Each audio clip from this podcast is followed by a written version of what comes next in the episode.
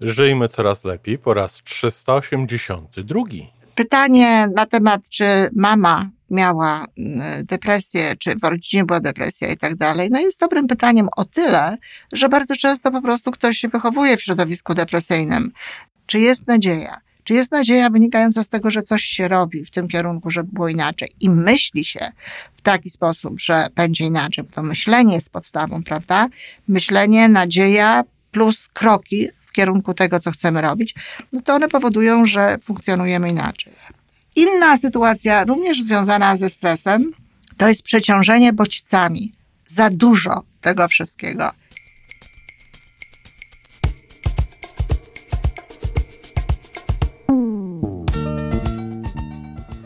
Witamy w kolejnym odcinku podcastu Żyjmy Coraz Lepiej, tworzonego przez Iwonę Majewską-Opiełkę i Tomka Kniata.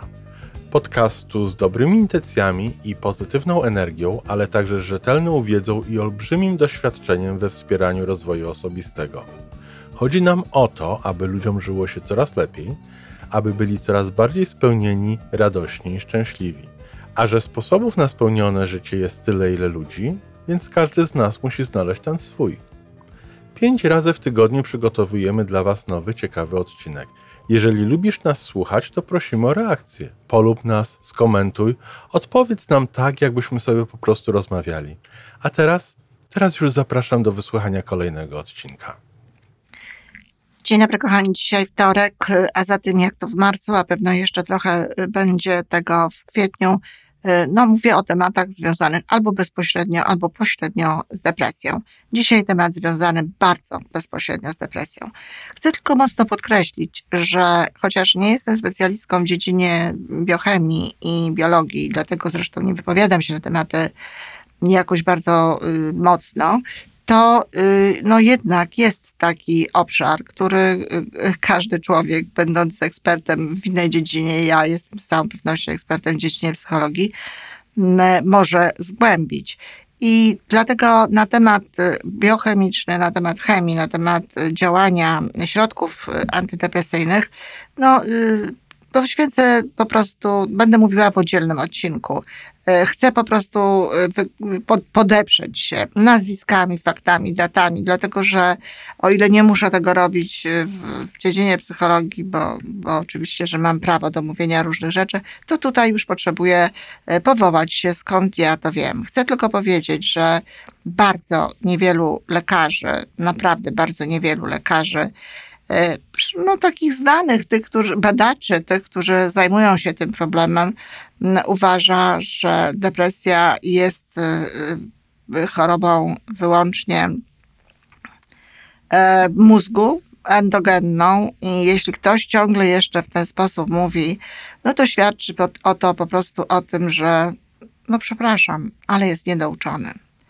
E, pytanie na temat, czy mama miała mm, depresję, czy w rodzinie była depresja i tak dalej, no jest dobrym pytaniem o tyle, że bardzo często po prostu ktoś się wychowuje w środowisku depresyjnym i e, jakby no, mm, przybiera różnego rodzaju zachowania, mm, tworzy różnego rodzaju nawyki, no, żyje w określonym nastroju i w związku z tym tak, oczywiście może mu potem łatwiej być reagować w podobny sposób w swoim życiu.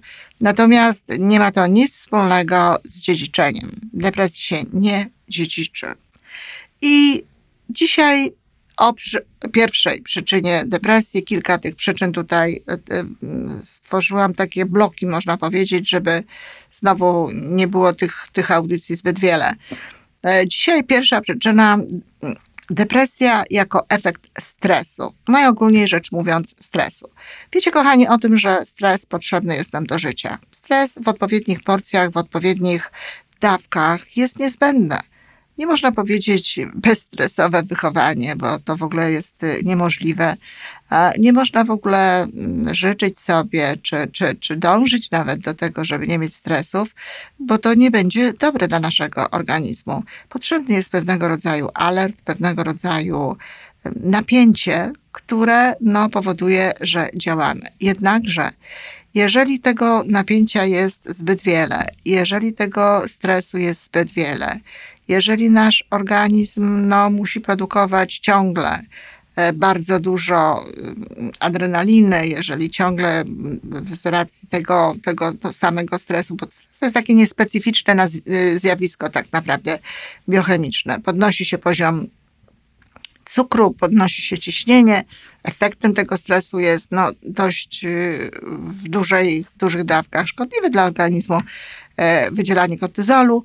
I w związku z tym to jest, y, no, kiedy tego jest bardzo dużo, to następuje taka faza, która się nazywa dystresem. I ta faza jest rzeczywiście dla organizmu groźna i ona jest również przez swoje oddziaływanie na, na organizm, na biologię, na to, jak czuje się człowiek, ona również ma wpływ na psychikę, ona sama. Taka, a co dopiero w połączeniu z powodami, z przyczynami, które spowodowały właśnie ten stres.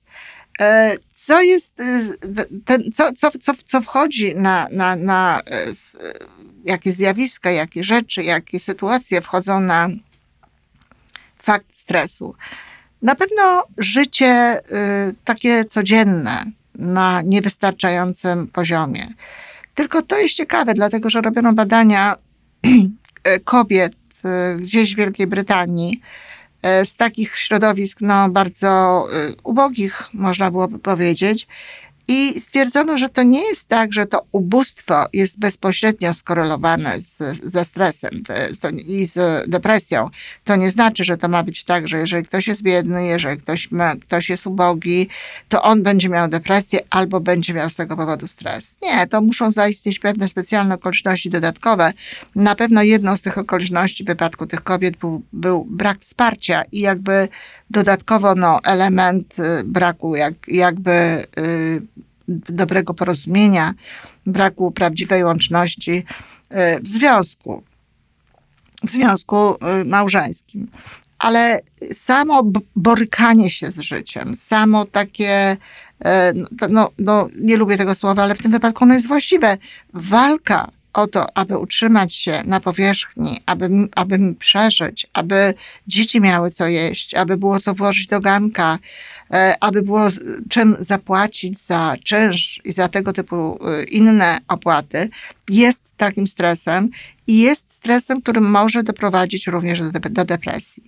I może nie tyle doprowadza do depresji sam fakt, że nie ma na czynsz, że nie ma na, na opłaty, y, nie wiem, dla dzieci na wycieczkę, szkoły czy jakieś inne rzeczy, ile to, że nie widać światła w tunelu, że czuje się jakąś taką bezradność, że czuje się beznadzieję. To jest głównym, przy, główną przyczyną. Nawet nie, nie same fakty, bo wiecie, kochani, ja też byłam w swoim życiu w sytuacjach takich, gdzie naprawdę no, robiłam kanapki, bo miałam jedną rzodkiewkę, jednego pomidorka, jeden ogórek i tam, nie wiem, dwa plasterki szynki. I robiłam kanapki dla całej rodziny z tego, tworząc różnego rodzaju kompozycje, bo to było wszystko, co, co miałam w tym momencie i co miałam szansę mieć, a jakby y, no, chciałam, żeby to ładnie wyglądało, zwłaszcza oczywiście chodziło mi o dzieci. Zresztą moje dzieci wspominają, że najfajniejsze jedzenie było w domu wtedy, kiedy nie było pieniędzy. A tych pieniędzy nie było dlatego, że ja zrezygnowałam z pracy i zaczęłam studiować, zaczęłam się uczyć. W związku z tym jakby była nadzieja. Była nadzieja na poprawę czy działa w Kanadzie. Tak, w Kanadzie. W Kanadzie też jest tak, że e, te pieniądze e, są wcale nie takie oczywiste e, i w różnych sytuacjach no, właśnie ludzie się znajdują, tylko ważną sprawą w tym jest to, czy tak jak mówię, czy jest nadzieja. Czy jest nadzieja wynikająca z tego, że coś się robi w tym kierunku, żeby było inaczej i myśli się w taki sposób, że będzie inaczej? Bo to myślenie jest podstawą, prawda? Myślenie, nadzieja plus kroki kierunku tego, co chcemy robić, no to one powodują, że funkcjonujemy inaczej. Ale jeżeli ktoś na przykład nie potrafi sam i nie ma nikogo, kto by mu to pokazał, no, znaleźć drogi, te, znaleźć tego światełka w tym tunelu, zobaczyć, co może zrobić, zobaczyć, w jaki sposób może zadbać o to, żeby w przyszłości funkcjonować lepiej, w jaki sposób może dostać chociażby na początku, to jest bardzo ważne, w jaki sposób może dostać pomoc, w jaki sposób może ogarnąć tutaj tę rzeczywistość, no to oczywiście y, tacy ludzie bardzo często zapadają w depresję. Często związane jest to również z tym, że no, yy, ponieważ nie ma siły, nie ma się ochoty do życia, do działania, to wtórnie no, nasze mieszkanie zaczyna wyglądać e, nie tak, jakbyśmy chcieli. E, nie robimy różnych rzeczy. No, kładziemy się, żeby odpocząć. Mamy wytłumaczenie, dlaczego nie możemy robić. Podpierając się nosem, owszem, czasami kobiety próbują robić pewne rzeczy, ale w końcu organizm nie wytrzymuje. No i ta sytuacja się nawarstwia. Robi się coraz gorzej, tak? Coraz gorzej finansowo, coraz gorzej fizycznie w domu, coraz gorzej po prostu ogólnie nas. No i i depresja. Depresja, czyli próba takiego z jednej strony no, odejścia od tego życia, no a z drugiej strony właśnie różne, różnie to się objawia, no ale na przykład cierpienia. No, niektórzy ludzie bardzo dużo śpią, bardzo dużo e, oglądają e, telewizji. To, to, to niekoniecznie jest tak, że każdy, kto ma depresję, to e, cierpi. Czasami jest po prostu tak, że jest to no, takie Y, taka mgła ciemna, jest to takie zamulenie pewne, które, które po prostu pozbawia człowieka radości życia i pozbawia człowieka chęci do życia, ale niekoniecznie jest bolesne, niekoniecznie boli. Oczywiście może się również pojawiać w tym smutek, bo przecież jest to smutne, kiedy człowiek e, no, pomyśli, e, kobieta najczęściej pomyśli o tym, w jakiej sytuacji teraz są jej dzieci, e, co tym dzieciom ona może dać, co będzie z tymi dziećmi i tak dalej, i tak dalej. W związku z tym ta, takie tego rodzaju życiowe problemy mogą być właśnie przyczyną depresji. Jest to jak najbardziej naturalna przyczyna. I co w związku z tym można robić? Co, jak sobie w związku z tym radzić? Trzeba. Nie wiem, gdyby to ode mnie zależało, to przy każdym psychiatrze, przy czy w ogóle w ośrodku zdrowia, e, do, no, zorganizowałabym taką komórkę, zorganizowałabym taką instytucję, czy, czy, czy, czy, czy cokolwiek, że jeżeli ktoś przychodzi z objawami depresji i ro, rozmawia się z nim i wiadomo, że tą przyczyną tej depresji może być no właśnie tego rodzaju sytuacja, no to po prostu warto byłoby odesłać ludzi do, do, do, do tejże komórki, do tej instancji i tam spróbować znaleźć rozwiązanie. I tam spróbować pomóc tej osobie. To nie jest tak, że nie dajemy środków antydepresyjnych. Oczywiście można dać środek antydepresyjny na pewien okres, na pewien czas, na kilka tygodni, żeby wzmocnić tę osobę, żeby y, no, poprawić jej na tyle samopoczucie, żeby była w stanie robić pewne rzeczy, żeby była w stanie działać, no i żeby też miała ochotę, tak, na zmianę tej rzeczywistości. No bo w stanie depresji to tak naprawdę nawet nie ma tej ochoty. Więc owszem, tak, ratunek, pierwsza pomoc w postaci antydepresantów, ale równolegle z tym działania społeczne, działania socjalne, bo w wypadku takich ludzi, no nawet niekoniecznie potrzebna jest jakaś psychoterapia, dlatego raczej coach, raczej coach, który podpowie, czy osoba, która podpowie, jak zamienić to swoje życie na życie lepsze, bo nigdy nie jest tak, żeby sytuacja była całkowicie beznadziejna. Zawsze są możliwości działania, zawsze można zrobić coś w kierunku poprawy swojego życia.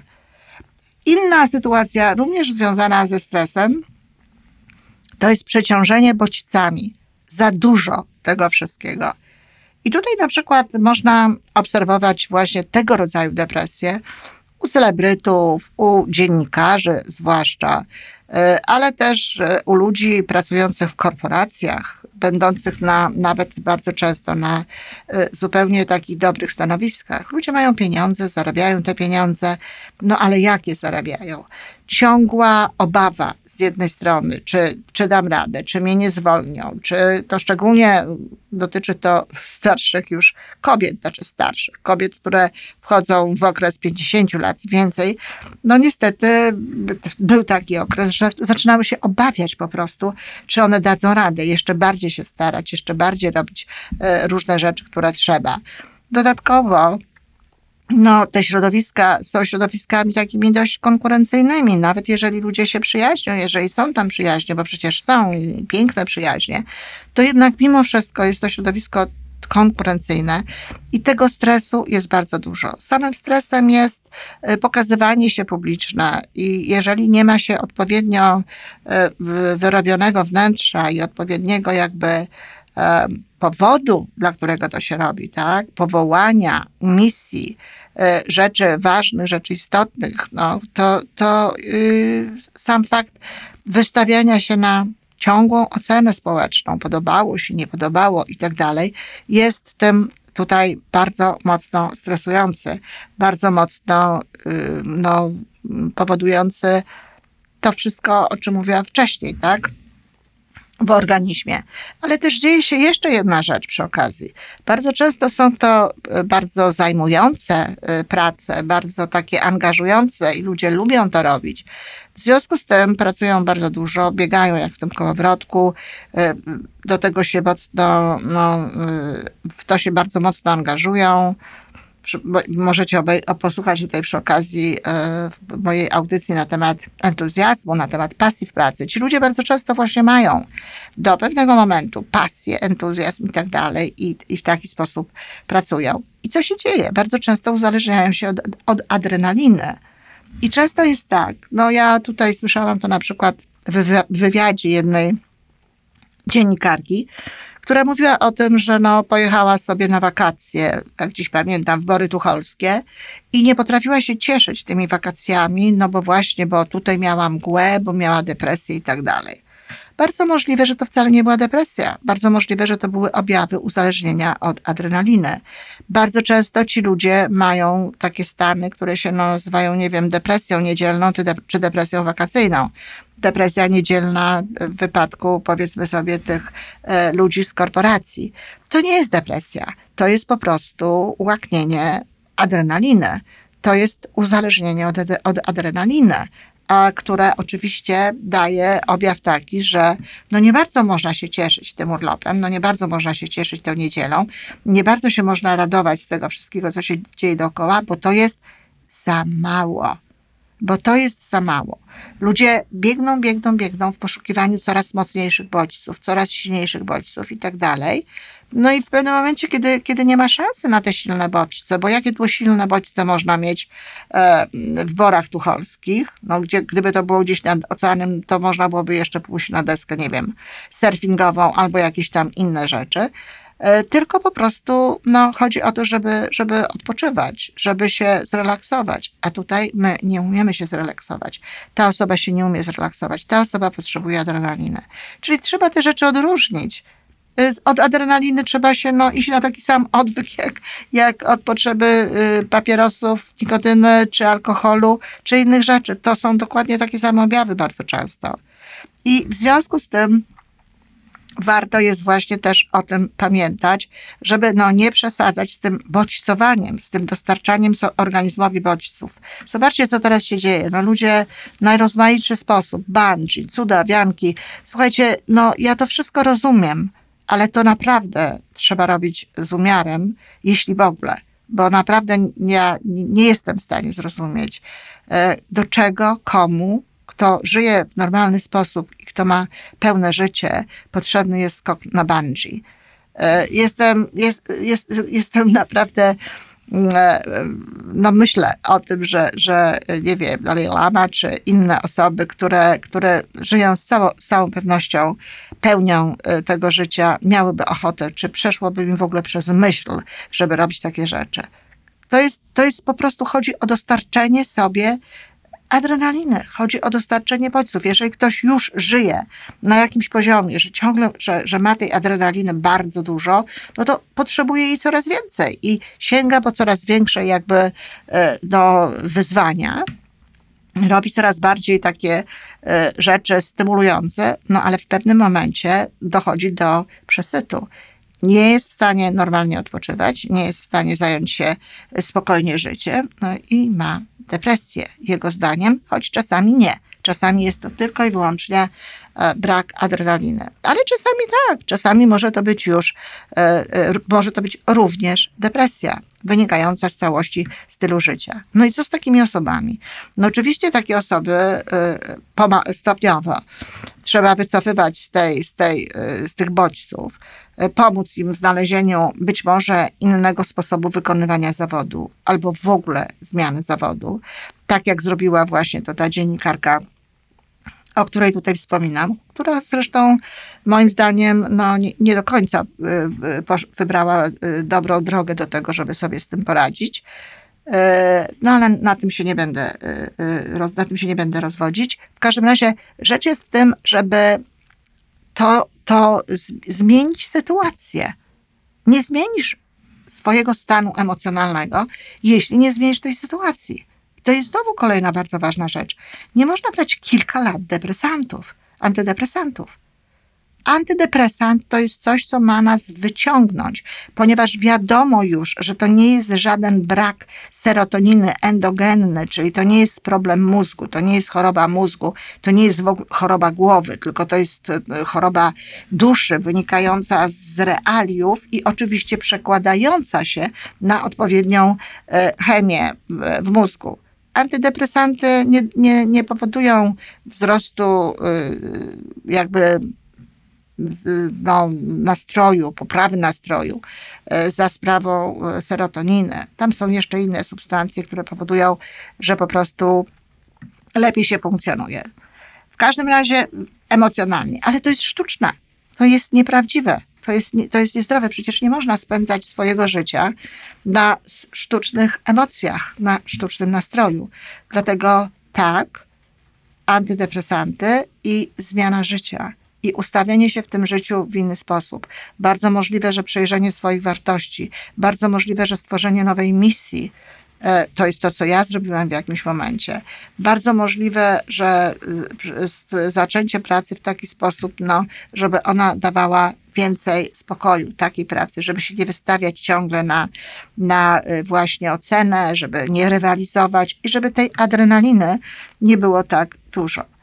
I to jest y, szczególnie wtedy, Y, dwie, dwa, są, dwa są elementy, które tutaj oprócz tego, co, że, że warto jest zmienić życie, trzeba wziąć pod uwagę. Pierwszy element to jest taki, że bardzo często ludzie mają zawód, który jest nieproporcjonalny niejako do ich układu nerwowego. Ja nie wiem, czy w tej chwili y, wśród psychologów to jeszcze obowiązuje, ale za moich czasów y, bardzo Jan Strelał stworzył taką koncepcję tam w połączeniu z, z tak, to, się, to był zespół różnic indywidualnych, zresztą w ramach mojego programu indywidualnego e, studiów byłam częścią tego zespołu. I stworzył koncepcję mówiącą o tym, że ludzie mają mm, system nerwowy wysoko reaktywny albo nisko reaktywny. Osobiście uważam, że to jest bardzo trafna koncepcja i tak sobie myślę, że gdyby rzecz się zadziała w Stanach Zjednoczonych, to wszyscy by o tym słyszeli, gdyby to nie był Uniwersytet Warszawski, tylko nie wiem, Harvard, Harvard albo jakiś inny znany uniwersytet. W każdym razie y, to, to chodzi tutaj po prostu o to, że jeśli ktoś ma system wysokoreaktywny, nerwowy, to on bardzo szybko wpada właśnie w zmęczenie, ten układ nerwowy. Wpada, wpada w stres, wpada e, no, w, takie, w takie e, właśnie stany, które sprzyjają depresjom, które sprzydają, sprzyjają stanom lękowym, nerwicom lękowym, e, wszelkiego rodzaju innym załamaniom psychicznym, bo on się bardzo szybko pobudza, ten układ nerwowy i po prostu nie jest taki wydolny kiedy tego stresu jest więcej i więcej. Natomiast osoby niskoreaktywne, tak, one mogą bardziej pracować w stresie. One mogą pracować dłużej w stresie, co też nie znaczy, że wieczność, ale przynajmniej mogą długo pracować w stresie. I jaka tu jest wskazówka, co tu jest ważne? No warto jest popatrzeć na siebie, zanim się zdecyduje na jakiś zawód zanim się przyjmie pewnego rodzaju zobowiązania, czy nasz system nerwowy jest systemem, który tutaj do tego pasuje, który da sobie w tym radę, czy jesteśmy w stanie to zrobić. Ludzie bardzo często tego nie biorą pod uwagę, kierują się, no cóż, często zarobkami, ale też właśnie czasami takimi tym, że no praca jest interesująca i tak dalej. Dobrze, praca jest interesująca, ale praca jest również bardzo wymagająca. I pytanie, czy ty na tym poziomie układu nerwowego, jaki masz w tej chwili, to czy możesz tym e, to zrobić. No, e, ta koncepcja właściwie zakładała, że to jest stała wartość, ten układ nerwowy. E, oczywiście można odpowiednio o niego dbać, można sobie odpowiednio radzić, więc jeżeli pracuje się tam, gdzie tego stresu jest bardzo dużo i tak dalej, koniecznie trzeba częściej odpoczywać, trzeba się częściej relaksować, konieczna jest medytacja, konieczne są właśnie tego rodzaju działania, które po prostu ten system nerwowy jakby przewracają do równowagi. I to jest jakby jedna wskazówka. Druga natomiast to jest taka, że bardzo często ten stres, ta praca, to stawianie się do oceny i tak dalej, i tak dalej, związany z, braku, z brakiem poczucia własnej wartości. I dlatego ogromnie istotne jest, żeby ludzie, którzy mają taką pracę, gdzie są często oceniani, gdzie często muszą wychodzić jakby z tymi owocami swojej pracy, z tym, co robią, żeby takie osoby bardzo dbały o swój charakter, a zwłaszcza, żeby dbały o poczucie własnej wartości. No nie tylko, bo również, co też, o czym też będę tutaj pewno mm, kiedyś mówiła, bo też różne cechy, jak chociażby, nie wiem, proaktywność czy poczucie obfitości bardzo pomagają w tym, żeby radzić sobie mentalnie z różnego rodzaju sytuacjami, tak, aby one nie dochodziły do poziomu stresu. Ale poczucie własnej wartości jest absolutnie kluczowe. To jest absolutnie podstawa. To jest coś, co bez czego tak naprawdę no, nie jest łatwo w ogóle w dzisiejszym świecie funkcjonować, a co dopiero mówić w takich miejscach.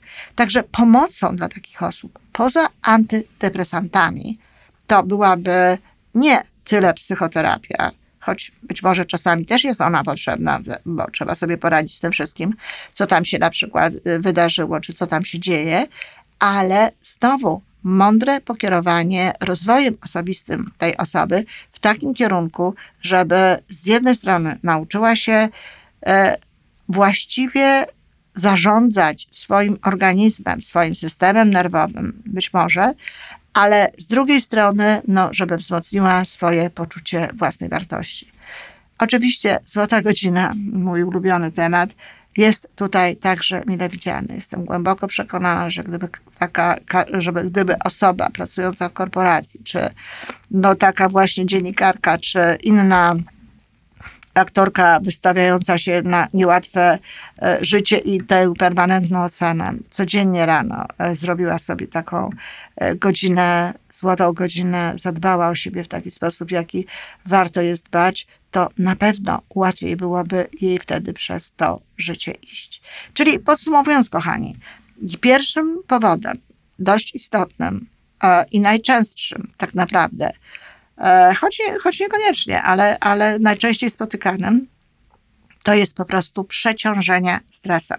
Przeciążenie organizmu i to przeciążenie organizmu połączone z brakiem nadziei. To jest bardzo ważne. Z brakiem szansy na to, że będzie lepiej, z brakiem szansy na to, że z tego można wyjść. Bo jeśli są to krótkie okresy, jeżeli jest ta nadzieja, jeżeli jest ta szansa, no to wtedy łatwiej jest tutaj funkcjonować, łatwiej jest to wszystko ogarnąć. Depresanty, tak? Jako koło ratunkowe, antydepresanty, przepraszam, jako koło ratunkowe, jako pierwsza pomoc, ale potem pomoc so, społeczna, czyli pomoc jakby, nie wiem, socjalna, jeżeli jest to wymagane, i pomoc psychologiczna w kategorii no, wzmocnienia charakteru, w kategorii znalezienia lepszej niż ta, ewidentnie, drogi dla naszego życia. Bardzo dziękuję, kochani.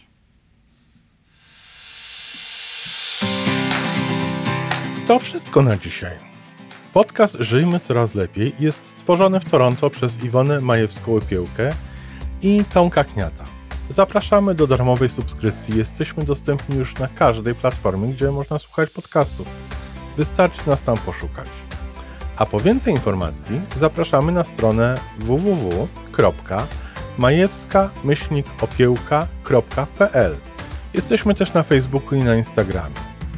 Jeżeli uważasz, że nasze podcasty pomagają Ci w Twojej drodze do jeszcze lepszego życia, to proszę, przedstaw nas swoim przyjaciołom. Niech też skorzystają. Do usłyszenia.